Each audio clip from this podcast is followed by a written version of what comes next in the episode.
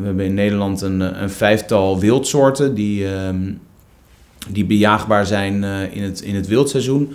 En daarnaast zijn er een aantal dieren die ja, zoveel schade eigenlijk aan landbouwgewassen aan kunnen richten dat ze het hele jaar door bejaagd worden. We noemen dat dan eigenlijk schadebestrijding. Het is eigenlijk uh, voor een, uh, een, kok of een cateraar een voorrecht om met mooie producten mooie gerechten te maken. Omdat je eigenlijk de laatste hand legt aan het, uh, aan het proces van consumptie. Als de kippen kakelen, zijn ze nog niet gaar. Nou ja, is natuurlijk ook een podcast over gewoon durven erkennen dat je ergens geen reet vanaf weet. Nou ja, dat blijkt in dit geval ook. Ik weet werkelijk, of ik wist werkelijk waar geen reet van jager uh, voor dit gesprek met uh, Berend. Berend is jager, foodtruck eigenaar en uh, cateraar. Um, nou ja, zoals ik al zei, ik heb heel veel geleerd over jagen.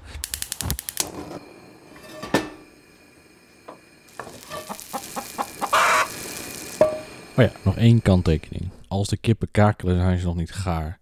Wil natuurlijk ook zeggen dat, uh, nou ja, bij woorden horen daden. Um, en zo is deze aflevering in de zomer van 2020 opgenomen. Toen ik technisch nog helemaal niet klaar was voor um, dit project. Dus het kan zijn dat er hier en daar wat glitches in zitten. Of een hapering. Of dat het iets wat hol klinkt. Nou ja, dat is wat het is. Um, veel plezier. Uh, drie jaar geleden voor mezelf begonnen. Ik werkte daarvoor uh, in, een, uh, in een restaurant in, uh, in Hellendoorn. Goedlopende ja, plattelandzaak, zeg ik altijd. Dus niet topniveau, maar wel, wel goed en wel veel, ja, veel doorloop, veel, veel, veel gasten. En daar eigenlijk echt een beetje het, van onderaf de ladder, eigenlijk het, het vak van kok mezelf eigen gemaakt. Ook ontdekt wat het is om met bonnen te werken en met bestellingen en inkoop. En, en, en ook van de eigenaar te horen van... Uh, je moet wel ook uh, letten op, op, op het laag houden van je inkoopkosten en, en alle nou ja, dingen die daarbij komen kijken. Ook met de leidinggevende chef daar heel veel van geleerd. En, um, en op een gegeven moment had ik wel heel snel het idee van... Ik vind dat wel heel leuk allemaal, maar ik zou het het allerleukst vinden om alles zelf te doen. En um, ik wilde daar ook heel graag mijn eigen draai aan geven. Um, en ben toen gaan kijken van, nou, hoe kan ik dat nou doen op een zo uh, financieel aantrekkelijk uh, mogelijke manier. Ook wel gekeken naar vaste restaurants en naar locaties en panden. Maar elke keer dacht ik, ja, het probleem is gewoon dat je, je moet zoveel investeren voordat je ook maar één uh, of één biefstuk verkocht hebt. Um, dat zie ik eigenlijk niet zo zitten. Daarnaast lijkt het me ook wel heel lekker dat je niet alle dagen uh, open hoeft te zijn om maar die huur te betalen en om maar je personeel te kunnen betalen. Um, dus zo een beetje aan de gang gegaan. Uh, en al heel snel eigenlijk uh, op het idee van een foodtruck terechtgekomen. En um, in die tijd had ik een auto en die auto die was de, hele, de helft van de tijd was die kapot. Dus het idee van een foodtruck waar je, waar je constant mee aan het sleutelen bent, of die constant bij de garage staat, of als je ergens naartoe moet voor een afspraak, dat die dan niet wil starten of iets dergelijks, daar had ik niet zo'n zin in. Um, dus zodoende bij een paardentrailer uitgekomen, een Engelse paardentrailer uit de jaren 70, uh, eh, die in Engeland uh, veelvuldig al worden omgebouwd tot nou ja, echt de meest uiteenlopende uh, foodtrailers. En toen gaan zoeken en uh, toen, kon ik, toen vond ik er eentje hier in, Nederland, in de buurt van Hilversum, waar, waar, die, waar die stond. Nou, die heb ik toen met een, uh, met een maat heb ik die opgehaald. En, uh, um, en dat was nog een heel gedoe om die hier te krijgen, want er moest gaandeweg nog bij een benzinepomp geparkeerd worden, omdat het wiel aanliep en bijna ontplofte. En dat was allemaal heel gedoe. En toen uiteindelijk hebben we hem thuis gekregen en toen ben ik hem gaan ombouwen. En toen dacht ik, ja, nou moet ik eens bedenken wat ik ga verkopen uit de foodtruck. Want het idee van de foodtruck was meer dat ik dat heel graag wilde en nog niet echt zo heel erg bedacht had wat het product dan moest worden. Dus de, de, de, de trailer die je vond was eigenlijk een buitenkantje. Ja, ik, ik, ik ik had wel zoiets van, de, deze moet ik sowieso nu kopen, want dit is precies wat ik wil. En ook precies het merk wat ik wil. En uh, hij was alleen wel gewoon in best wel slechte staat. Dus ik heb hem helemaal uh, van, van, van boven naar beneden gestript en uh, helemaal opnieuw alles uit elkaar gehaald. Helemaal, nou ja, weet ik veel, de nodige dingen vervangen en helemaal opnieuw, opnieuw opgebouwd. En wel weer helemaal in originele staat teruggebracht als het ware. Uh, luiker ingemaakt en, uh, en inrichting. En toen is gaan denken van, goh, wat ga ik nou, wat ga ik nou serveren? En toen kwam ik uit bij kip, kip dijen. Um, en die kipdijen die haalde ik door een, door een beslag, zelf, zelf gemaakt beslag. deed ik in de frituur en dan maakte ik eigenlijk een broodje kipburger. Nou, echt was altijd echt een mega groot succes op, op, op festivals en op, op grotere evenementen. Maar ik werd ook steeds meer gevraagd eigenlijk voor wat kleinschaligere partijen. En ook voor, voor huwelijken, voor jubilea, voor bedrijfsopeningen. En ben toen ook heel veel met fingerfood gaan werken. Uh, het leuke daarvan is dat je echt met nou ja, op een walking dinner-achtige manier... Uh, wat mooiere, kleinere gerechtjes kan, kan bieden. En dat het niet zo, zo, zo keihard als op een festival is. Um, dus daar kon ik ook wel, um, wel veel creativiteit in kwijt. Um, maar voor de grootschaligere evenementen ben ik op een gegeven moment eens gaan denken van... Het voelde eigenlijk niet zo goed om altijd maar weer met die kip bezig te zijn. Omdat je ja, toch wel gedwongen wordt bijna om, uh, om zo goedkoop mogelijk in te kopen. Dus dat je um, uh, toch, bij, toch niet bij biologische uh, kip terechtkomt. Ik heb wel op een gegeven moment ook contact gehad in het begin met een biologische kippenboer.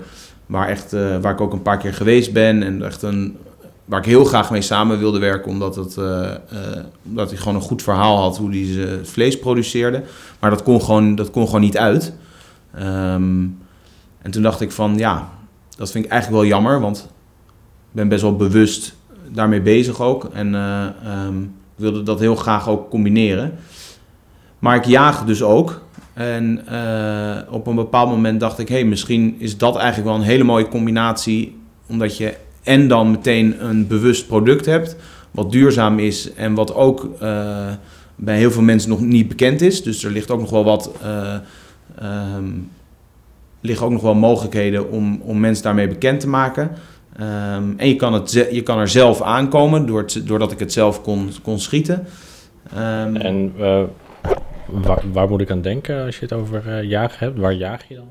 Uh, nou, denk bijvoorbeeld aan, aan duiven, ganzen, eenden. We hebben in Nederland een, een vijftal wildsoorten die, die bejaagbaar zijn uh, in, het, in het wildseizoen. En daarnaast zijn er een aantal dieren die ja, zoveel schade eigenlijk aan landbouwgewassen aan kunnen richten dat ze het hele jaar door bejaagd worden. We noemen dat dan eigenlijk schadebestrijding. dat gebeurt onder andere met ganzen en met duiven. Um, en, en wat moet ik me daarbij voorstellen? Dan belt een boer een soort van alarmnummer en dan... Ja, het is eigenlijk, je hebt uh, op het moment dat je ja, jager bent, jager wordt, en je, kun, je, kun je een jachtveld, moet je eigenlijk krijgen. dat moet je wel zelf hebben of zelf regelen, of in ieder geval aansluiting zoeken bij een, een groep jagers die dat veld al in beheer heeft. En als je daar dan bij aansluit of je hebt dat veld, dan... En, en een veld is gewoon, dat, gewoon een, letterlijk een veld? Of dat ja, dus dat is eigenlijk dan een, een landbouwgebied of een bosgebied of een, uh, eigenlijk gewoon een stuk natuurgebied. Um, maar daar valt ook grasland onder en uh, akkerbouwland, maar ook land waar koeien staan en... Uh, um, en, en, en een veld is dan bijvoorbeeld uh, veldregio Zolle of is het gewoon drie hectare ergens? Nee, je moet, het, is, het is een wettelijke verplichting om, om 40 hectare te hebben, minimaal. Omdat de wet zegt van je kan niet, um, je kan geen, je kan niet het beheer van wild uitoefenen op een stuk veld wat kleiner is dan 40 hectare. Dus pas als het 40 hectare is, dan kun je ook echt zorgen dat daar een redelijke en, en gedegen wildstand te verwezenlijken is. Ehm, ja, dus eh, om, eh, om te kunnen jagen heb je dus eh, ja, eigenlijk meerdere dingen nodig, zal maar zeggen. Je moet je, je diploma's halen. en ehm, als je diploma's hebt gehaald, dan kun je een, een geweer aanschaffen. Ehm, en als je een geweer wil aanschaffen, dan moet je eigenlijk eerst weer aan kunnen tonen dat je ook ergens echt een plek hebt om te jagen. Want de wet zegt dat als jij geen plek hebt om te jagen, dat is dan die 40 hectare, dan heb je ook niks aan een geweer. En dan hoef je dat geweer ook niet thuis te hebben. Dus dat is allemaal aan allerlei regelgeving onderhevig. Dus, dus je, je sluit je aan bij een vereniging? Ja, dat, dat kan. Dus uh, het traject is eigenlijk dat je, uh, je, uh, je gaat de jachtopleiding doen. Daar leer je alles wat met jagen te maken heeft, maar ook word je ook geacht om, om te kunnen schieten. En je moet ook een praktijkexamen doen, theorie-examen en, en dat soort dingen. En als je dan al die examens en diploma's gehaald hebt, ehm, dan kun je met dat papiertje uh, kun je in feite een wapen kopen. Uh, alleen je moet wel bij de koop van je wapen wel aan kunnen tonen uh, dat je ook een, een gebied hebt, dat je een mogelijkheid hebt om in een bepaald gebied te kunnen jagen. Want ja, anders dan zouden mensen allemaal vuurwapens thuis kunnen hebben die eigenlijk nooit op jacht kunnen. En dat ja, dat is niet nodig. Dus in principe ga je, als je gaat jagen, ga je meestal ook naar hetzelfde gebied? Ja, vaak wel. Ja, ja. En uh, um, het kan best zijn dat je ook door andere mensen wordt uitgenodigd. Of, uh, of dat, je, um, dat je niet zelf uh, altijd in dat gebied jaagt, maar dat je wel met iemand vaak meegaat. Nou, en dan, zo, kan het dan, zo kan het dan ook. Uh, maar het, het, uh, de essentie is inderdaad echt dat je, dat je in een bepaald gebied echt het beheer en de, en de schadebestrijding uh, doet. Um, en dat je, nou ja, dan, dan draag je ook echt zorg voor dat gebied. En dat gebied moet dus altijd groter zijn, of tenminste altijd minimaal 40 hectare zijn. Ja. En schadebestrijding is dus het hele jaar door? Ja, het gaat het hele jaar door. En dan heb je daarnaast nog heb je plezierjacht?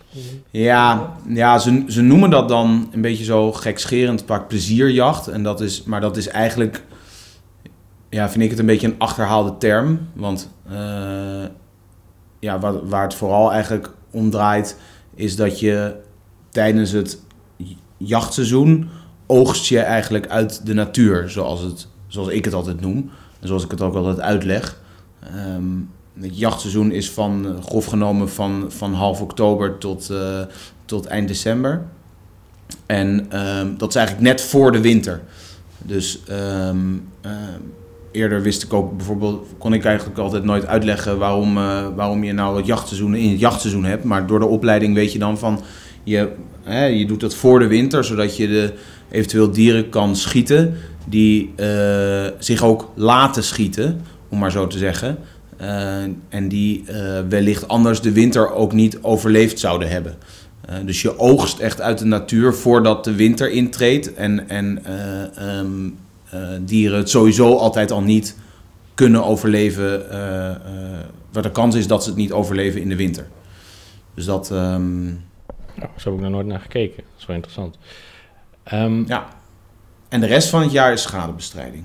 Ja, maar dan, uh, dan, dat zijn ook weer specifieke momenten? Of dan word je opgeroepen? Nee, dat is dus echt... Um, uh, ja, je kan opgeroepen worden. Dus je kan, uh, het kan zo zijn dat een boer morgen belt... en dat die zegt... luister, op perceel dit en dit heb ik 500 duiven zitten... en um, die vreten al mijn net ingezaaide nou, erten op... nou is het nu geen zaaitijd. Dus die periode hebben we al gehad. Maar dat in, de, in het moment dat net alle gewassen de grond ingaan, dan, uh, dan kan het zeker zo zijn dat, uh, uh, dat een boer kan opbellen en zegt van jongens, um, je moet nu komen, want er zitten 500 duiven op het, op het veld en die vreten alles op. En je bent dan ook als jager in dat gebied, ben je dan ook echt, nou ja, bij wijze van spreken verantwoordelijk voor, voor de schade die die duiven aanrichten. Um, ik geloof dat het niet zo is dat je daar echt hoofdelijk voor aansprakelijk bent. Maar in Duitsland is dat bijvoorbeeld wel weer zo. Dus, uh, dus daar moet je echt.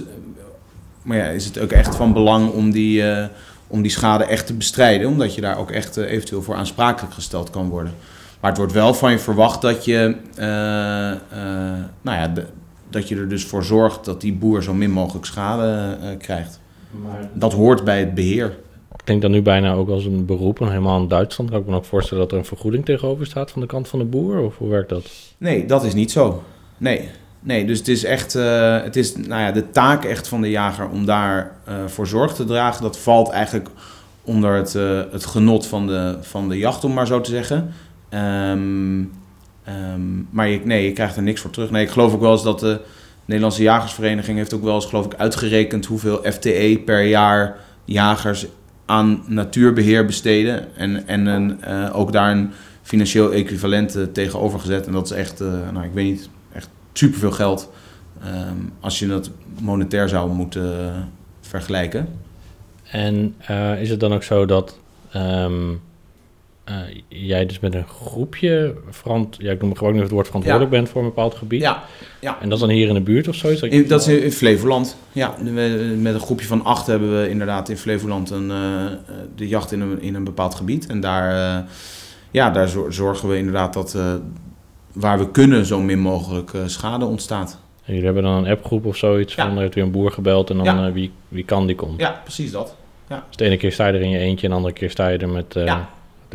Ja, kan, kan. En zeker als het, eh, eh, nou ja, als er echt wel, eh, als er schade dreigt of als er schade is, ja, dan proberen we dat wel meteen, eh, proberen dat wel meteen op te pakken. En je bent natuurlijk, ja, je bent altijd afhankelijk van of mensen kunnen, en, maar de, de bedoeling is wel dat als er dan gebeld zou worden, dat er dan, dat er dan mensen die kant op gaan. Ja, ja dat hoort er wel echt bij. En, en dat doen we dus ook. Dus het, gebeurt ook, het gebeurt ook geregeld dat er, dat er zo'n telefoontje komt. En, eh, maar we, het mooiste is natuurlijk als je het voor kan zijn. Ehm, want in feite, als de boer belt, ben je eigenlijk altijd al te laat. Ehm, en eh, doordat we, eh, we hebben best wel een aantal actieve jagers in onze groep zitten. Ehm, en we proberen wel elke week wel sowieso dat er iemand maar, in het terrein is. En er is één iemand die is daar echt super fanatiek in en die vindt dat heel eh, eh, nou, leuk en belangrijk om daarmee bezig te zijn. En die is sowieso wel elke week een dag eh, in de polder. Nou, dan kijkt hij en dan kijkt hij wat er vliegt en hoe het gaat. En als er dan op een gegeven moment, als, hij, als hij denkt van hey, dit, dit, dit graanveld zou zomaar eens ge- geoogst kunnen worden binnen nu en twee weken, want het is bijna rijp. Eh, dan moeten we dus weer daar een beetje extra in de gaten houden. Van dan gaan we eens een keer extra kijken van... eh, eh, niet de bedoeling dat er dan ineens heel veel duiven bijvoorbeeld op, op afkomen. Ehm, en ehm, ja, zo houden we dat. En proberen het eigenlijk altijd voor te zijn. Dus eigenlijk is deel van de tijd is het een beetje zoals vissen waar je aan de kant staat en aan het wachten bent. Ja, klopt. Ja. En, ehm, We maken wel eens een grap van... jagen is net vissen. Je, bent, je zit langer te wachten dat je beet hebt... dan dat je daadwerkelijk eh, ja, aan, het, aan het schieten bent. Ja. En eh, je hebt zo'n groot open veld. En ik kan me dan niet anders voorstellen dan natuurlijk langs dat veld lopen wegen en er staan huizen. Ja. En eh, je schiet dan met hagel. Of- Ja. Maar dat komt natuurlijk met best wel een, een vaart zo'n geweer uit. Ehm, eh, hoe zorg je ervoor bijvoorbeeld dat... ik, misschien is het een hele domme vraag, maar hoe zorg je ervoor dat je niet bijvoorbeeld een boerderij raakt of een... eh, Nou, je, schiet in, je schiet in principe nooit in de richting van, eh, van bebouwing. Je schiet nooit in de richting van langsrijdende auto's.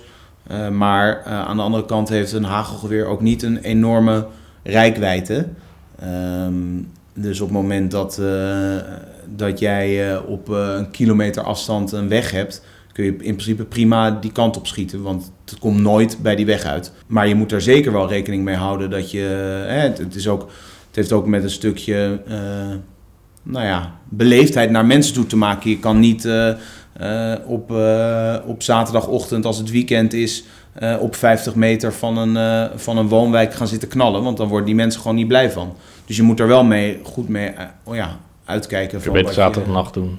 Wat zei je? Ik kan beter zaterdagnacht doen. Ja, dat mag dan weer niet, want dan is, dan, dan is het eigenlijk al zondag. En op zondag mag er sowieso niet gejaagd worden. Hij mag op zondag niet gejaagd worden. Nee. Dat is nog een soort van oude regel. Ja, dat is de zondagsrust. Dus eh, op zon- en feestdagen mag er, eh, mag er sowieso niet gejaagd worden. Ja, dus dat, nee, dus dat mag sowieso niet. En, eh, maar je probeert het altijd, ja, dat, eh, veiligheid is natuurlijk wel heel belangrijk. En uh, dat is ook wel iets wat je tijdens de jachtopleiding echt heel goed inge, ingeprent krijgt. Is van, wees wel eigenlijk elke moment bewust dat je met een vuurwapen rondloopt.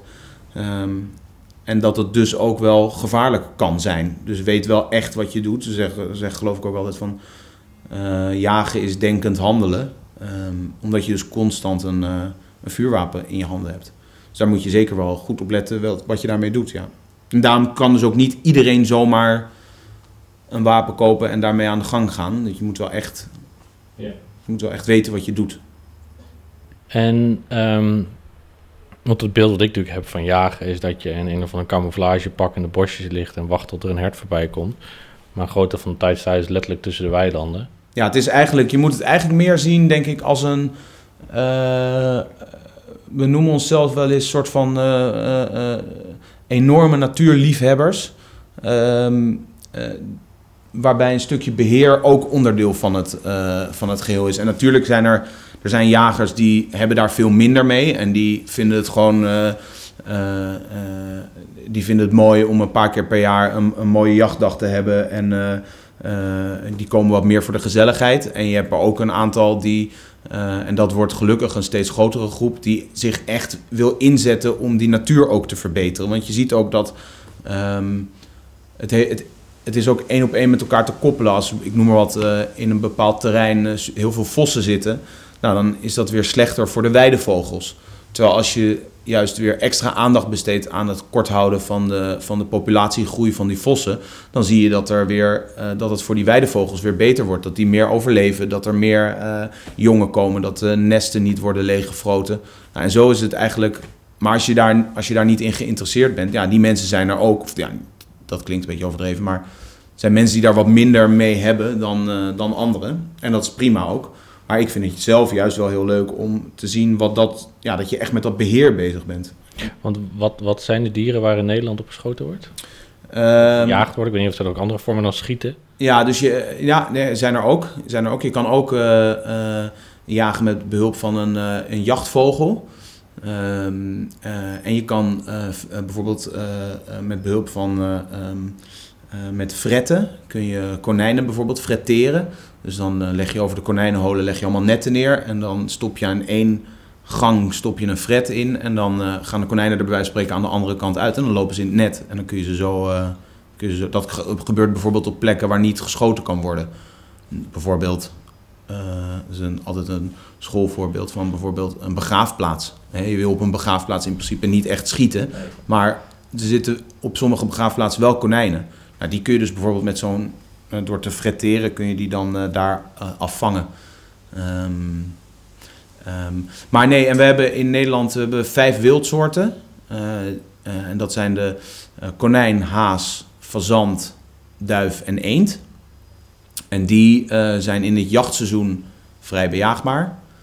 het jachtseizoen loopt dus van grofweg half oktober tot begin januari, eind december. Vrij bejaagbaar betekent dat je overal in Nederland erop mag schieten of alleen in je eigen gebied of op een afgesproken plek? Ja, je mag dus altijd uh, in je eigen gebied uh, uh, mag je dan de dieren bejagen. Maar het kan ook zo zijn dat een andere jager jou weer uitnodigt en dan mag je ook daarheen. Maar je mag nooit zomaar ergens naartoe. Het is altijd wel gebiedsgebonden. Je kan niet, omdat je een jachtvergunning hebt, kun je niet zomaar een willekeurig weiland inlopen en dan uh, die dieren daar schieten. Nee, dat, uh, dat, zou een beetje te gek zijn.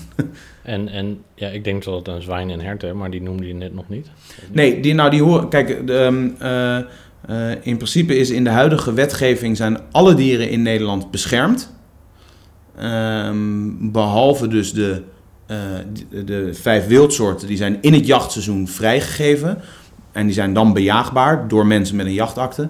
Maar die zijn in de rest van het jaar weer wel, vallen ze weer onder de uh, wet natuurbescherming.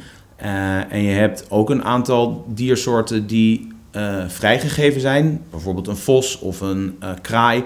En die richten door het jaar heen best wel wat schade aan. En dan zijn ze ook door het jaar heen te bestrijden. Dat valt dan onder schadebestrijding. Maar dan, dan jaag je eigenlijk op een specifieke vos of, of een specifieke groep kraaien? Of... Ja, bijvoorbeeld. Ja, ja. Ehm, en, dan, eh, en, dan inderdaad herten of uh, wilde zwijnen. Uh, die vallen ook wel onder de natuur, wet natuurbescherming. Maar die zijn dan bijvoorbeeld in bepaalde provincies... worden er bepaalde ontheffingen verleend... om bijvoorbeeld nou ja, die beesten te zorgen dat ze niet over de snelweg rennen... en, en schade aan landbouwpercelen aanrichten. Dus dat is... En dan wordt er gezegd van, oké, okay, er mogen nu zoveel ja. geschoten worden. Ja, ik geloof dat, uh, weet ik niet trouwens helemaal zeker, maar ik geloof dat voor zwijnen met name aan de oostgrens van Nederland echt een nul, nulstandbeleid is. Dus dat houdt in dat alle zwijnen die uit Duitsland komen um, in principe dienen te worden afgeschoten. Um, ja, dat zal hoogstwaarschijnlijk niet lukken en zal denk ik ook niet uh, haal. Ja, ik weet niet of dat haalbaar is, maar de, het beleid is er wel op gericht om dat te, te verwezenlijken. Ja. Wil ik nu een bruggetje maken naar weer jouw culinaire um, passie? Uh, want ik hoorde namelijk dat mannetjesfijnen heel erg vies zijn of heel erg stinken. Klopt dat? Um, Oeh. Dat het vlees stinkt. Oh, dat ja, heb ik eigenlijk nog nooit uh, zo ervaren. Ah, oké. Okay. Nee. Nee. nee, ik weet wel dat, uh, dat jonge, uh, jonge wilde zwijnen, dat is heel zacht, lekker vlees. Dus dat, um, maar het is natuurlijk wel zo dat op het moment, maar dat is denk ik bij heel veel vleessoorten, is op het moment dat ze ouder worden en um, meer jaren zeg maar meegaan, dan worden ze gewoon wat, ja, wat taaier en weet je, een, een, hele oude koe is denk ik ook niet, is, een, een, hele oude koe heeft een hele andere smaak dan bijvoorbeeld kalfsvlees. Daarom is kalfsvlees vaak echt een delicatesse. Um, en, uh, en, en, en ja, is uh, rundvlees van een, van een wat ouder dier ja, minder bijzonder. Nou, en dat is bij, bij, bij wilde zwijnen denk ik ook wel zo. Want um, jij, jij verkoopt dus ook, of je maakt dus, je bereidt dus producten met wild in, ja. de, in, de, in de foodtruck. Of als cateraar, want ja. je, doet allebei ja, eigenlijk. Allebei, ja. Is, is, is dat wild ook het, het, het, het grootste deel van je assortiment tussen aanhalingstekens? Nou, ik, eh, wat ik wel. Uh, ik was op een gegeven moment dus wel zoekende naar een, uh, een, een product waar ik echt helemaal achter stond. Um, uh, en dat heb ik wel in wild gevonden, omdat ik wel vind dat de huidige vleesconsumptie wel een beetje aan de grens zit. En dat daar wel op een nieuwe manier over nagedacht mag worden. En het is bij heel veel mensen denk ik nog een soort van standaard om gewoon alleen maar vlees te eten elke dag. Terwijl dat is echt niet nodig. En je kan uh, met zoveel mooiere ook groenteproducten en, en niet-vleesproducten kun je een heerlijk gerecht, gerecht maken. Um, maar er is ook een heel mooi alternatief en dat is wild. Dus als je wild zou zien als ingrediënt als het ware en je vervangt het gebruik van varkens of rundvlees voor het gebruik van een stuk wild. En dan is het zo breed als je het wil maken. Dat kan een duif zijn, maar dat kan ook een gans zijn. En dat kan ook een zwijn zijn of een hert zijn. Um, heb je een heel mooi, duurzaam, biologisch alternatief. Um, waardoor je wel mensen vlees kan laten eten, als ze dat willen. Maar wel een, uh, een stukje vlees wat, wat ja, niet uit de bio-industrie komt en wat uh, super mooi in, in de natuur heeft rondgeschaald, zijn eigen eten bij elkaar gezocht heeft. En uh, um, ja, op die manier een, een heel mooi stukje vlees kan worden. Een heel mooi gerecht kan worden. En is, is wilde ook een interessanter product om mee te werken als standaard vlees, maar om het zo maar te noemen? Op zich wel, want uh, doordat je veel meer moeite, terwijl omdat ik veel meer moeite moet doen om het te bemachtigen, kan ik er ook een, een hogere prijs voor vragen. En mensen zijn ook bereid om die prijs ervoor te betalen, omdat er zit veel meer verhaal achter. Um, dus wat dat betreft is het ook interessanter. Um, aan de andere kant, uh, als ik zelf wild schiet en dat gebruik voor een gerecht, dan is mijn inkoop zit in een stukje hobby, zal maar zeggen. Dus dat is natuurlijk ook aantrekkelijk, want je hoeft het daardoor niet in te kopen. Um, is het dan ook zo dat maar dat is niet, dat was nooit mijn eh, eh, overweging of iets dergelijks. Dus dat is een mooi meegenomen, eh, maar eh, dat is niet de overweging geweest. En eh, op het moment dat, eh, dat er één keer storm loopt met cateringklussen of eh, is een groot festival, ik noem maar wat. ehm, is het dan zo dat je, dat je een, een, een, een voorraad hebt of zoiets? Of- Ja, ik probeer wel altijd. eh, eh, eh, kijk, het lastige van, eh, van wild is natuurlijk dat je nooit weet waar je mee thuis komt. En eh, eh, bij wijze van spreken kom je 9 van de 10 keer zonder iets en de tiende keer heb je wel wat bij je. Eh, dat is altijd het risico. Eh, ik probeer wel ehm, via de kanalen en het netwerk wat ik heb, eh, wel aan, aan bepaalde dingen te komen. Dus ik kan bijvoorbeeld een bevriende jager die kan zeggen. Goh, ik, die belt mij op en die zegt: Ik heb ochtends eh 20 ganzen geschoten. Wil jij er 10 overnemen? Want eh, eh, ehm, ik kan er anders niet zoveel mee. Nou, dan ga ik die bijvoorbeeld ophalen. Dat kan wel gebeuren. En ik heb ook een, eh, want dat is wel, je kan niet zomaar eh, wild in de voedselketen brengen omdat je eh, natuurlijk met allerlei kwaliteitseisen te maken hebt. En als je normaal gesproken bij de groothandel kip of varkensvlees bijvoorbeeld inkoopt, dan, weet, dan is het allemaal gekeurd en dan is dat allemaal volgens regelgeving in de, in de voedselketen gebracht. Dus ik heb ook een cursus gedaan. dit is de opleiding tot gekwalificeerd persoon, zoals ze dat noemen. En dan, ehm, dan mag je dus het wild wat je zelf schiet of wat anderen geschoten hebben, mag je keuren. eh, en kan je vervolgens eh, in de voedselketen brengen. En hoe keur je een stukje wild? Door te kijken naar zijn ingewanden. Door te kijken naar ze, eh, hoe die eruit ziet, wat de algemene staat is. Maar ook door te kijken naar, eh, ziet zijn lever er goed uit? Hoe zit het met, eh, met eh, ehm, eh, bijvoorbeeld, ik noem maar wat, het, het, het, het, het, het vlies van het hart? Hoe zien zijn longen eruit? Eh, wat is de kleur van zijn, van zijn darmen? Nou, allemaal dat soort dingen. Kijk je naar om, eh, eh, om uiteindelijk te bepalen van... Nou, is dit stuk vlees geschikt voor consumptie, ja of nee? En want je hebt natuurlijk altijd de kans dat er, eh, nou, dat er bepaalde ziektes zijn die in het, in het wild zitten. En je wil niet dat dat bij de mensen terechtkomt. Ehm, maar, ja. En is het dan zo dat, dan, dat je van elk dier, van, het- ja, uiteindelijk moet je dus van elk dier weten van oké, hoe ziet een gezonde gans eruit, hoe Ja. ziet een gezonde duif eruit. Ja. Ehm, maar zit er bijvoorbeeld ook heel veel overlap in? Of, of lijkt dat eigenlijk heel erg op elkaar?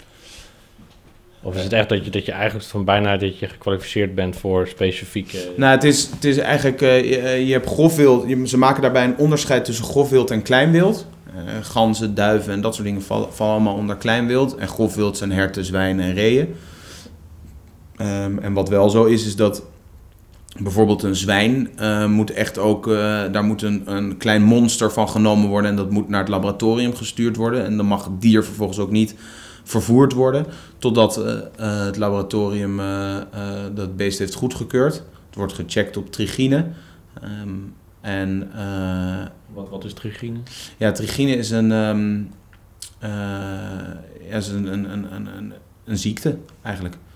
Dus eh, ehm, Maar dan neem ik aan dat dat zwijn ondertussen al wel bij iemand in de vriezer ligt en niet nog steeds op het veld ligt. nee, dat zo, nee, maar hij wordt dus wel, dus stel dat hij, eh, hij wordt in dat en dat bos wordt, die, wordt dat zwijn geschoten, dan wordt, wordt, eh, eh, wordt het zwijn vaak in het veld al eh ontwijd, zoals dat heet. Dus eh, eh, de ingewanden worden er dan uitgehaald.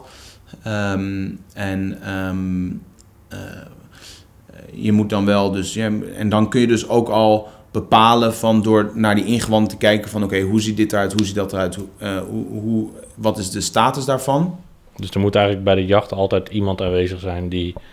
ge, wat was het ook weer gekwalificeerd? Gekwalificeerd persoon, ja, ja, ja dat hoe het, het hoeft niet aanwezig te zijn, maar op het moment dat je eh, met dat beest aan het slepen gaat, om maar zo te zeggen, dan moet er wel gecheckt worden wat, ja, kijk, tenzij natuurlijk eh, eh, de jager die het eh, dier schiet, gewoon dat beest zelf wil opeten, dat moet hij zelf weten in feite. Oh ja. Ehm, maar op het moment dat je mee dat je het weg wil geven of je wil, dan ja, je wil niet dat het Ja. niet goed is. Dus het is wel. Daarom zijn er heel veel jagers die zelf veel groot wild schieten. Die, hebben zelf, die zijn zelf zo'n eh, eh, gekwalificeerd persoon. En die kunnen dus zelf hun eigen geschoten dieren beoordelen. Ehm, maar omdat ik dus het ook wil, nou, mijn eigen wild ook wil gebruiken om in de voedselketen te brengen, dan ehm, eh, daarom heb ik die cursus gedaan. Vet, interessant. En sch- schiet je trouwens met hetzelfde geweer op een zwijn als dat je op een duif schiet? Of? Nee, nee. Je hebt voor eigenlijk voor, groot wild, voor grof wild en klein wild andere geweren. Eh, kle- klein wild schiet je veelal met hagel. Eh, en grof wild schiet je echt met, eh, met zwaar kaliber kogelgeweer. Ehm, omdat je, ja, je wil zeker weten dat als je op een dier schiet, dat je het ook dodelijk treft. Want je wil niet dat het dier gaat lijden. En daarom is het ook heel belangrijk dat je altijd... Maar dat is ook bij klein wild en ook bij het schieten van een duif of bij het schieten van een hert. Je wil altijd dat je een, een dodelijk schot afgeeft. Maar je kan je voorstellen bij een vliegende duif, daar ga je niet op schieten met een kogelgeweer. Daar schiet je op met hagel. Dan is de kans dat je hem raakt natuurlijk groter. En ook dat je hem dodelijk raakt groter.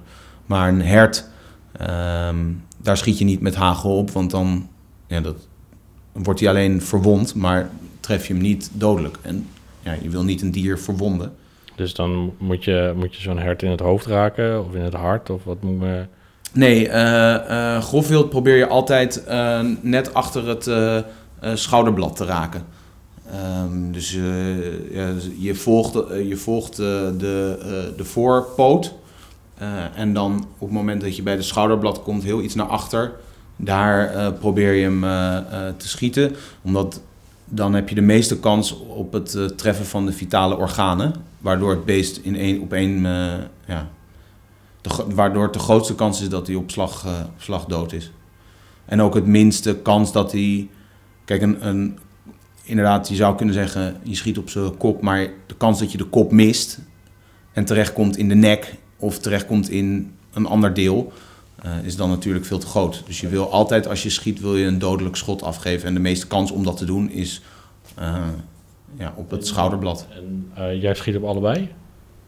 Hoe bedoel je? Nou, je, ik, ik kan me, eh, omdat je er ook andere geweren voor zijn bijvoorbeeld, is het dan ook zo dat er bijvoorbeeld jagers zijn die gespecialiseerd zijn of die alleen maar op, op vogels mogen schieten? Of, Nee, dat niet. Nee, als je, de, als je de jachtopleiding hebt afgerond, dan doe je examen in zowel kogel als hagel. En, je, en er wordt verwacht dat je met beide geweren op een juiste manier eh, kan schieten en op een veilige manier kan schieten. Eh, nou is het wel zo dat ehm, ik ben zelf nog echt totaal niet eh, ervaren in, in grof wild eh, schieten. Dus dat heb ik ook nog nooit gedaan. Ehm, en ik wil dat misschien in de toekomst ook wel gaan doen, maar ik heb nu daar nog niet de mogelijkheid toe gehad. En ik vind het eigenlijk ook prima om mezelf nu eerst het gebied van het kleinwild helemaal eigen te maken.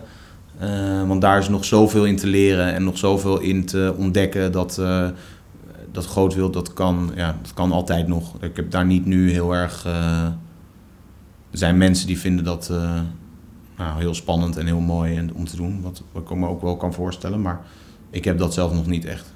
en, jij hebt dan dus ook nog geen kogelgeweer? Ja, ik heb wel een kogelgeweer, maar ik heb een klein kaliber kogelgeweer. Waarmee je eh, bijvoorbeeld vossen kan schieten.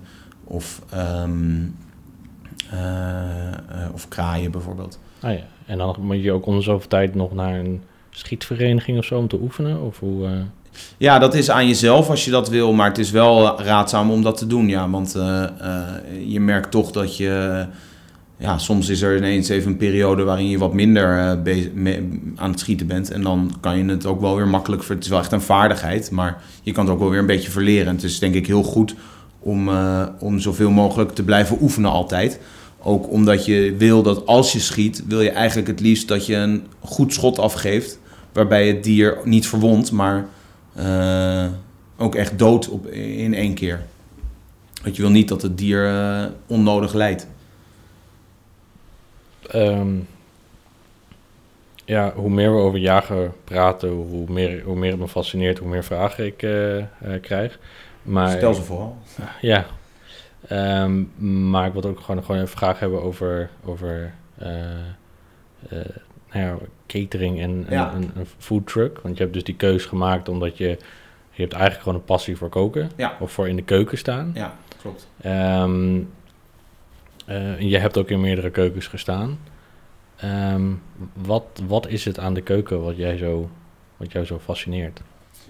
Ja, ik vind het gewoon onwijs leuk om van ingrediënten die eh, op zichzelf staand helemaal niets betekenen, om daar door, eh, eh, door een kleine toevoeging aan te doen, door ze te koken, door ze te bakken, door ze samen te voegen, dat het ineens een geheel wordt als het ware. En, dat, en door, door die smaken samen te brengen, dat je dan ineens denkt van wow, dit is echt super lekker of dit past zo goed bij elkaar.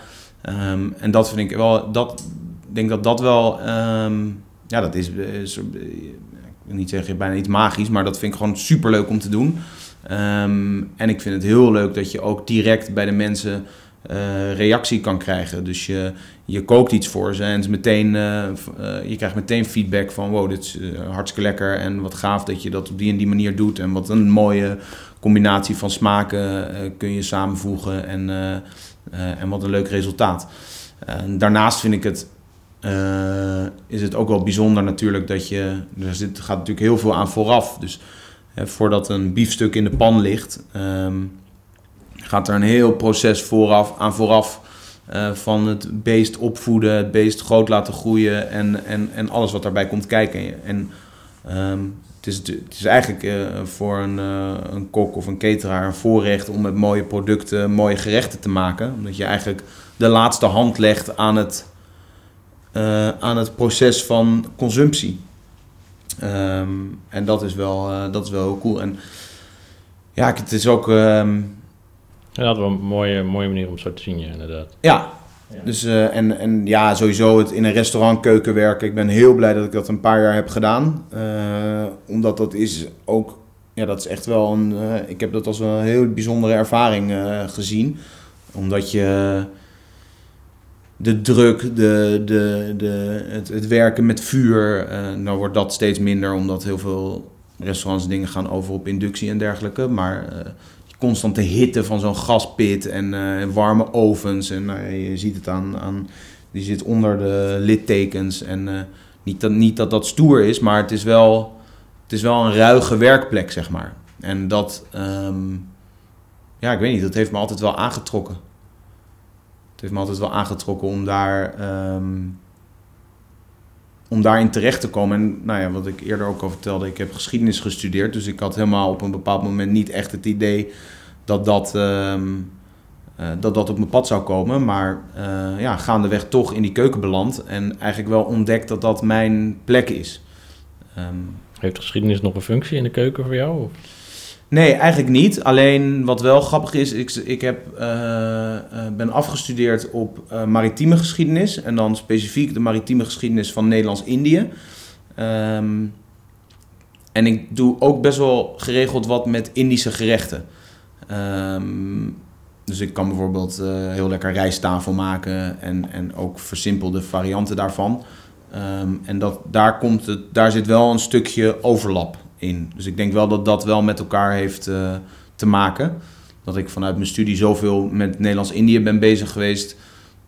Dat op een gegeven moment ja, ben ik ook die gerechten zeg maar, die daar vandaan komen gaan maken. En probeer daar ook altijd eh, alle authentieke smaken bij te gebruiken. En ehm, authentieke ingrediënten. Ehm, dus daar zit wel een stukje overlap. Maar verder, verder niet echt. Je moet nadenken over wat de vraag die ik stel. Want, want je hebt dan de keuken in een restaurant. Mhm, Je hebt catering mhm. en je hebt foodtruck. Eh eigenlijk ben ik wel in eerste instantie nieuwsgierig naar wat, wat is juist de overlap tussen die drie. En wat zijn juist de, de verschillen tussen die drie. Ehm, nou, in feite ben je in alle drie de eh, verschillende disciplines ben je bezig met het bereiden van voedsel. Dat is overal hetzelfde. Een aardappel wordt gaar door het koken bijvoorbeeld. Nou, dat is voor elke keuken is dat dezelfde bereid, bereidingswijze. Ehm, alleen ehm, als jij chef in een, eh, in een restaurant bent, eh, nou, dan kan het zijn dat je je alleen maar eh, met die keuken bezighoudt. Maar als jij een foodtruck hebt, leert de praktijk dat je ook met marketing bezig bent. Ook met het eh, bijhouden van je social media. eh, ook bezig bent met eh, inkoop, met marges. ehm, dus, en, en een cateraar kan dat ook zijn. Maar een cateraar kan ook weer een chef in dienst hebben. En dus het is... eigenlijk is het gewoon wel heel erg met elkaar te vergelijken, maar zijn het echt totaal verschillende werelden. Omdat ja, een restaurant heeft een vaste locatie, een cateraar niet, een foodtruck ook niet. Een foodtruck bouwt altijd weer zijn soort van vaste locatie weer op, elke keer op een nieuwe plek. En een cateraar die heeft bijvoorbeeld uh, wel een productieruimte ergens in, op een industrieterrein, maar die bouwt weer bij de mensen thuis weer een, uh, een keuken op waar die, uh, waar die zijn laatste hand legt aan de gerechten die daar worden uitgeserveerd. Dus het, het heeft natuurlijk wel allemaal met elkaar te maken, maar het is wel echt, zijn allemaal verschillende takken van sport. Er is denk ik geen één restaurant-eigenaar die bezig is met of de banden van zijn foodtruck wel hard genoeg zijn opgepompt of dat, uh... En, en uh, voedselinhoudelijk, want als ik aan een foodtruck denk, dan denk ik automatisch aan de foodtruck op bijvoorbeeld een festival. Mm -hmm. um, de kaart van een foodtruck is, is in sommige gevallen twee of drie keuzes. Ja. En nou ja, sommige restaurants hebben gewoon een boekwerk. Ja. en ik kan me voorstellen dat de cateraar is weer van, van, van klus tot klus verschillend. verschillend. Ook. Ja, klopt. Um, ja, kun je daar wat over vertellen? Hoe... Nou ja, die, wat je wel vaak ziet is dat denk, mensen met een foodtruck die...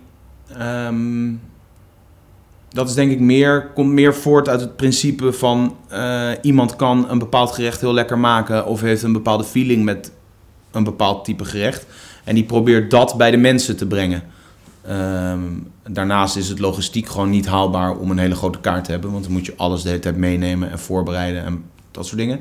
Maar ik denk dat de essentie van een foodtruck is eigenlijk dat je ja, één of meerdere gerechten in een bepaald genre of in een bepaalde type keuken bij de mensen probeert te brengen. Omdat jij daar de beste in bent of uh, dat op een hele leuke manier kan die uniek is en die je nergens anders ziet. Um, en een restaurant is dat veel minder. Uh, uh, die zijn ja, die voeren een kaart. Daar wil je een voorgerecht, een hoofdgerecht, een nagerecht kunnen eten. Nou, er is bijna geen foodtruck die meerdere van dat soort gerechten aanbiedt. Um, en een cateraar die zal inderdaad veel vaker met, uh, met mensen om de tafel gaan zitten om te kijken van... hé, hey, jullie geven een feestje, uh, wat willen jullie op het menu zetten en hoe wil je dat vormgeven en wat, uh, wat is de bedoeling? Ja, dus en, die- en jouw foodtruck is, is, heeft ook een wisselende kaart of is dat best wel continu, constante kaart? Nee, dat, bij mij wisselt het eigenlijk wel. Ik, eh, ehm, omdat je natuurlijk best wel veel foodtrucks hebt die echt één product eh, verkopen. Ehm, was ik in het begin daar een beetje huiverig voor, omdat ik eh, eh, eigenlijk bang was dat je dan constant met hetzelfde bezig bent. Ehm, eh, en natuurlijk ga je op een gegeven moment een, een bepaald aantal hardlopers ontwikkelen waarvan je denkt, hé, hey, daar heb ik vaker succes mee gehad, die, die, die blijf ik erin houden. Maar ik vind het juist wel leuk om daar heel creatief mee om te gaan en elke keer weer nieuwe dingen te bedenken en ehm, constant te variëren daarin. Ehm, en ik denk ook wel dat dat. eh, maar dat moet je ook wel weer liggen. Want er zijn ook mensen die vinden het gewoon heel fijn dat ze weten waar ze aan toe zijn. En die eh, wat ze over hebben, kunnen ze bij wijze van spreken invriezen en de volgende keer weer gebruiken. En eh, ja, er is voor allemaal wat te zeggen. Maar ik vind het heel leuk dat ik de creativiteit heb. Eh, om, om alle kanten ermee op te gaan. En als mensen bij mij komen en zeggen: Ik wil, eh, ik wil puntzakjes friet eh, aan het eind van mijn huwelijk, ja, dan kan dat. Maar als ze zeggen: Ik wil voor dat. eh, voor datzelfde huwelijk wil ik eerst met 30 man dineren, dan kan dat ook. Ook doordat je breed bent, breed georiënteerd bent, heb je ook natuurlijk een breder publiek wat je aan kan spreken. Maar ehm, ja, met name de creativiteit die daarbij komt kijken en alles daaromheen, dat vind ik wel heel leuk. Dus ik ben heel blij dat ik niet één type product heb gekozen. Ehm, hoewel je natuurlijk wel af en toe. Hè, ik zie nu dat ik dus veel met wild werk. En eh, ik maak onder andere dus eh, hamburgers van, eh, van ganzenvlees. Nou, dat wordt superleuk ontvangen. Ja, dan ga je dat natuurlijk vaker doen. En dat is hetzelfde met Indisch. Ehm, dat maak ik ook geregeld. Ehm, maar ik vind het ook wel echt leuk om constant nieuwe dingen te blijven proberen en nieuwe dingen te blijven ontdekken. En dat is ook denk ik wel uitdagend voor jezelf. En uh, bijvoorbeeld op een, uh, op een festival of bij een caterklus, uh, doe je dat dan vaak alleen? Of ben je ook...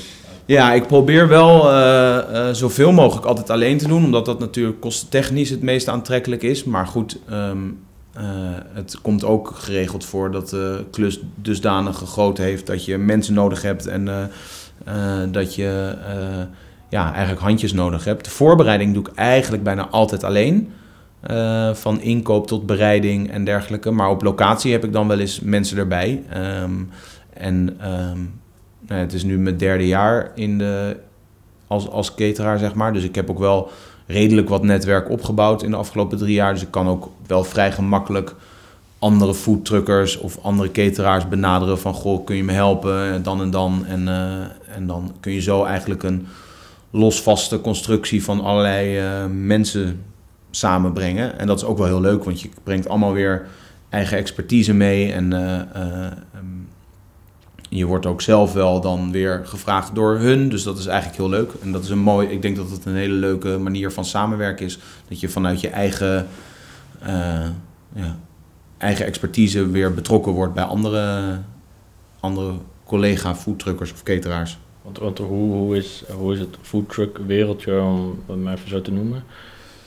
Um, ja, ik vind dat echt uh, uh, altijd echt een superleuk wereldje. Um, het is heel leuk om op verschillende evenementen altijd weer dezelfde mensen tegen te komen. Want het is natuurlijk wel, er zijn wel heel veel foodtruckers, maar ook weer niet superveel. Dus je hebt heel grote kans dat je op, uh, op verschillende evenementen dezelfde mensen tegenkomt. En eigenlijk zijn dat allemaal hele leuke lui die op een hele leuke manier met hun producten bezig zijn. En ja, we, je moet wel ook een beetje. Nou, ik wil niet zeggen je moet gek zijn, maar je moet wel. Je moet het, het werk wel zo leuk vinden dat je ook echt met. Want er, gaan zoveel, er gaat zoveel tijd en zoveel uren in zitten. Dus je moet het werk wel zodanig leuk vinden. Um, en, en iedereen die dus een foodtruck heeft, die vindt het werk ook zodanig leuk dat ze dat doen. Dus je zit allemaal een beetje op hetzelfde niveau. Uh, en um, dat maakt het wel heel gezellig. En zeker als je vaker mensen tegenkomt, ja, dan is het. Uh, uh, iedereen wil elkaar altijd helpen. En als je wat vergeten bent, kun je altijd bij de buren vragen: van, Oh, heb je nog even dit voor me of dat? En iedereen is behulpzaam. En nee, dat is heel leuk. Wat dat betreft is dat wel echt. ja, iedereen heeft wat voor elkaar over. En gunt elkaar ook de handel. Dat is natuurlijk ook af en toe wel. Je, staat, je bent in feite elkaars collega's.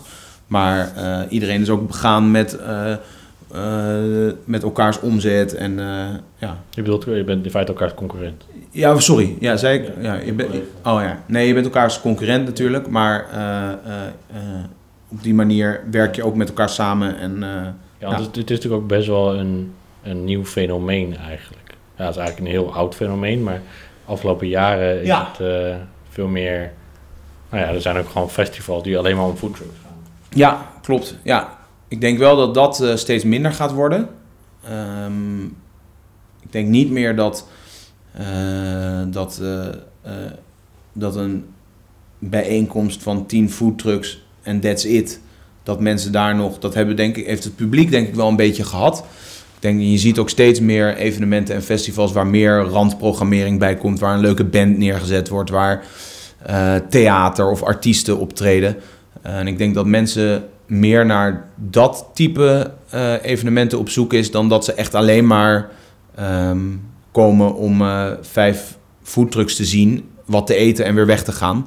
Het is natuurlijk ook veel aantrekkelijker voor het evenement zelf om die mensen langer daar te houden. En, daardoor, en door dat, om dat te bereiken moet je natuurlijk ook wel wat te bieden hebben.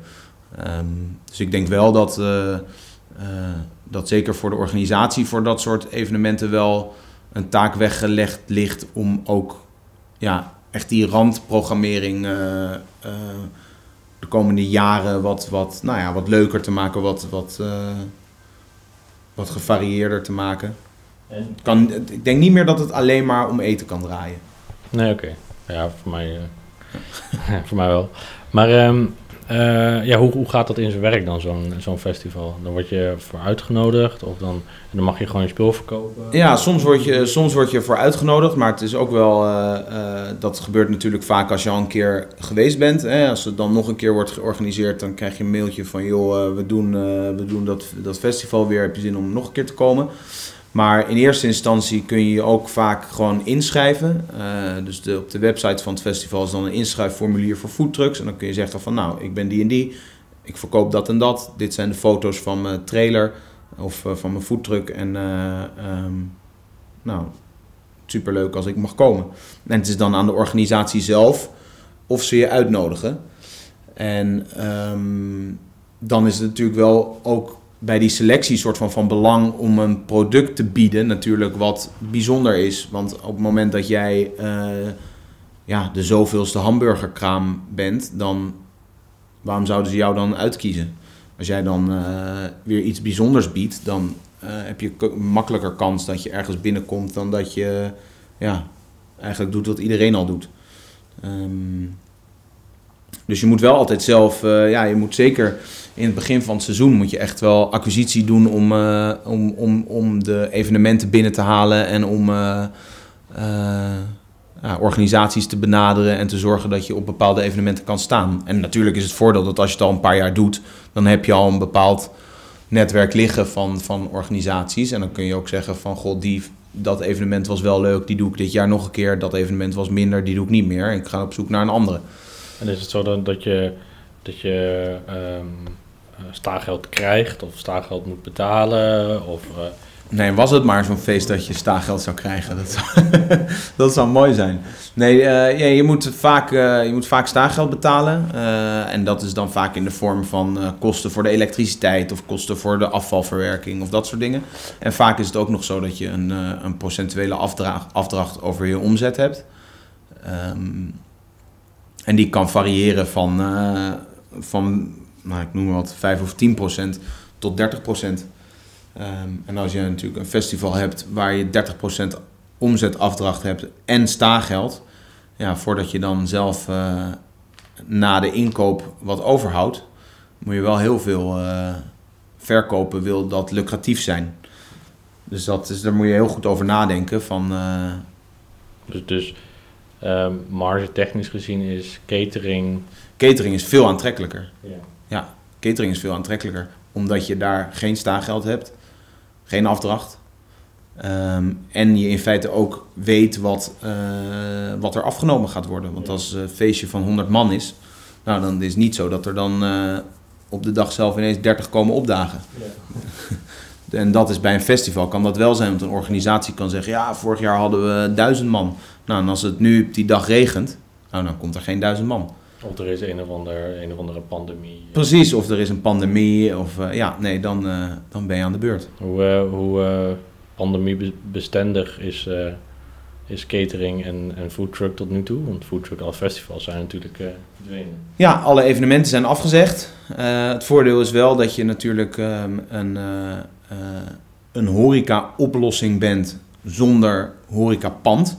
Dus je, doordat je buiten dingen kan opzetten en, en flexibel bent in je ruimte. En uh, um, is het voor heel veel mensen, denk ik, in de afgelopen tijd wel interessant geweest om eens naar een foodtruck te gaan kijken. In plaats van naar het geven van een feestje op een, uh, op een horecalocatie. Um, en ik moet ook wel zeggen dat daar best wel wat.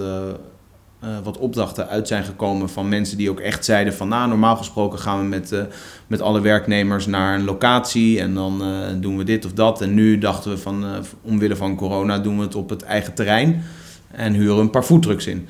Dus um, dat zie je wel. anderzijds is het huidige advies dat wordt afgeraden om feestjes te geven thuis. Um, en dat merk je dan ook wel weer direct, want dan worden gewoon de partijen en de opdrachten worden weer afgezegd. Um, dus dat is wel, ja, je bent wel uh, onderhevig aan, uh, aan het beleid van de overheid en wat er. Uh, ja. Dus het is gedeeltelijk pandemiebestendig, denk ik. Ja. Het voordeel is wel natuurlijk dat veel foodtrucks, ik weet niet, ik denk, ik, zal, ik denk niet dat ik voor allemaal kan spreken. Maar ik denk dat er heel veel foodtrucks zijn die vrij weinig kosten hebben. Vrij weinig vaste kosten. Met als gevolg dat je... ehm, eh, dat op het moment dat er bepaalde opdrachten wegvallen... of zoals met, eh, met de lockdown in het begin van het jaar... ehm, dat je... je hoeft geen personeel door te betalen. Je hoeft vaak geen, eh, geen locatie te huren. Je hebt, eh, je hebt misschien een keer wat opslagruimte die, die je wel huurt. En tuurlijk, dat kan bij sommige mensen kan dat wel een grote kostenpost zijn. Ehm, maar je, je vaste lasten zullen altijd, denk ik, lager zijn dan een restaurant met weet ik veel hoeveel man personeel. Is, is het eigenlijk nog een droom voor jou om ooit nog een eigen restaurant te hebben? Dat was altijd wel de droom. Eh, en dat is ook wel de reden waarom ik ooit eh, de overstap naar de horeca heb gemaakt. Om echt, dat, eh, om echt die eigen locatie ooit te openen. Maar ik moet wel zeggen dat op de manier zoals ik het nu doe en, en, en zoals ik het nu heb ingericht, ehm, vind ik het eigenlijk ook wel heel fijn. En ik vind het heel fijn dat ik de vrijheid heb van een foodtrucker. ehm, met de, de diensten die ik lever van een cateraar. En, en, en, en dat ik heel blij ben dat ik geen personeel in dienst heb. Eh, dat ik heel blij ben dat ik niet al te hoge vaste kosten heb. Ehm, dat vind ik wel heel fijn. Ehm, anderzijds eh, zijn er ook genoeg dagen waarop ik eh, weinig omzet heb. Die je misschien anders wel gevuld zou hebben op het moment dat je een vaste locatie hebt waar de mensen vanzelf langslopen of die altijd open is. Dus dit heeft denk ik allemaal allebei zijn voordelen en zijn nadelen. Ehm, als ik nu kijk naar de huidige tijd en, en, en natuurlijk wordt die door een heel groot deel gekleurd door, eh, door corona. Maar ehm, ja, ik zou nu op dit moment niet, ben ik niet jaloers zeg maar, op mensen die nu een restaurant hebben. Ehm, Los, los van de pandemie? Of juist door nee, juist door. Ja. Juist Ja. door. Ja. Dus ik ben heel blij dat ik mijn bedrijf heb ingericht zoals ik het heb ingericht nu. Eh, waardoor ik de klap van een pandemie eigenlijk best wel goed kan opvangen. Ja. Ehm, neem niet weg dat het natuurlijk eh, vreselijk is. Maar ehm, ja, ik ben wel blij dat dat op die manier. eh, en natuurlijk kun je, weet je, ik heb ook bewust ervoor gekozen om alles weer te investeren en eh, geen schulden te maken. Ehm, kijk, je kan natuurlijk ook een foodtruck beginnen en eh, er eentje kopen van eh 20.000 euro. Nou, dan moet je die eerst wel terugverdienen. Ehm, en als dan zo'n corona eroverheen komt, ja, dan heb je denk ik wel een probleem. Ja. Dus het is ook maar net, ja, het is maar net hoe je het, hoe je het zelf wil, eh, wil vormgeven. Ehm, maar zeg nooit nooit. Misschien dat ik over een paar jaar wel een, eh, een, eh, een vaste plek ergens heb. En, eh, ehm, maar goed, dan zou ik altijd het nog op een bepaalde manier willen inrichten. Dat je wel flexibel kan blijven.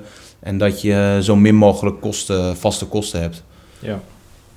Ja, tof. Ehm, ik denk dat dat wel belangrijk is. Want je weet nooit wat er gebeurt. Nee. Dus eh, En ehm, ehm, stel, als een soort van slotvraag, alles gaat helemaal perfect. Heb je nog, nog ehm, ambities op het, of een bepaalde droom op het gebied van foodtruck, catering of jagen?